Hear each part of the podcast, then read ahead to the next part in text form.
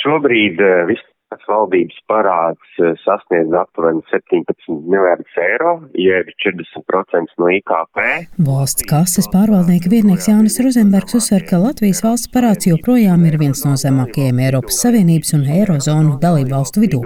Un arī kredītreitinga aģentūras, kas novērtē Latvijas kā aizņēmēju kredītspēju, atzīmē, ka mūsu parāds ir mērens. Šāds novērtējums ļauj Latvijai aizņemties līdzekļus un pārfinansēt parādu par samērā izdevīgām likmēm. Arī nākamgad Latvija plāno valsts parādu nevis samazināt, bet palielināt un kopumā aizņemsies papildus apmēram 3 miljardus eiro. Līdz ar to parāda līmenis sasniegs jau 20 miljardus eiro, kas ir 41% no iekšzemes koprodukta. Gan budžeta deficīta finansēšanai, gan iepriekšējā gada uzņemto parādu saistību pārfinansēšanai, gan arī mēs izsniedzam valsts aizdevumus pašvaldībām, pašvaldību kapitāla sabiedrībām, valsts kapitāla sabiedrībām, ostām, augstskolām tam līdzīgi. Jānis Rozenbergs skaidro, ka kamēr vien valsts budžetu plānos ar deficītu, tikmēr tas būs jāfinansē aizņemoties. Arī nākamā gada budžets nebūs izņēmums, un valsts budžets plānots ar 2,8% deficītu.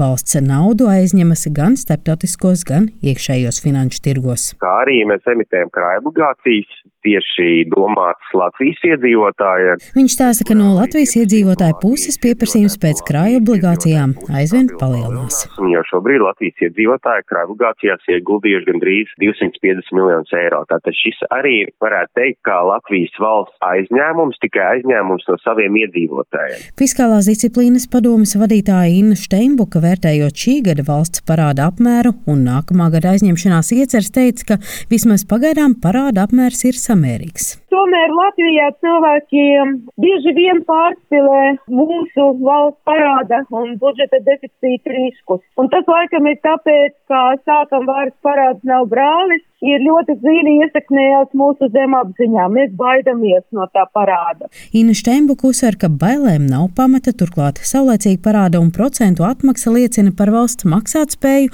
un Latvijai šajā ziņā veicas samērā teicami principā ir ļoti augsts reitings finanšu reitingu aģentūrās. Un tas ir ļoti nozīmīgi, jo palīdz mums aizņemties pār saprotamu cenu, jo uzticība ir liela. Bet ir viens slikts faktors - Latvijas ģeopolitiskā lokācija un agresīvais kaimiņš - Krievija. Tas finanšu tirgos nevairo pozitīvas cerības un uzticību. Tas ir viens no faktoriem, kāpēc mēs nevaram, neskatoties uz ļoti labiem labvēlīgiem reitingiem aizņemties lēti.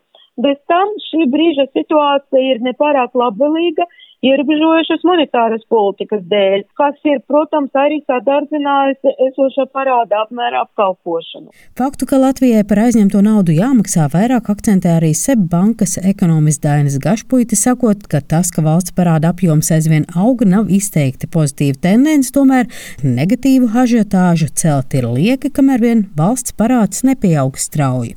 Uz jautājumu, kā vērtē valsts kases plānu nākamgad finanšu tirgos aizņemties papildus 3 miljārdus eiro, eiro, Gašpuitis pauž šādi. Tas apjoms, es teiktu, ir gan tāds, nu, nozīmīgs, var izdoties arī diezgan būtiski ietaupīt, nu, ja tiks pareizāk izmantot tie mirkļi, kad šo finansējumu piesaistīt. Ekonomists skaidro, ka nākamgad būs svarīgi trāpīt īstajā brīdī, kad valstī aizņemties finanšu tirgos, jo tuvākajā laikā naudas cena būs aizvien augsta, bet tas nākamgad mainīsies. Visdrīzāk, kad nākamā gada otrajā pusē, nu tur jau tās naudas izmaksas būs uh, lētākas, kas nozīmē to, ka mēneša starpība var nozīmēt, nu, teiksim, jau tādus būtiskus ietaupījumus, kad, kur un uh, kā to darīt. Līdz ar to valsts kasē nākamgad būs rūpīgi jāpieņem lēmumi, kad aizņemties, lai valsts parāda apkalpošana maksātu pēc iespējas mazāk.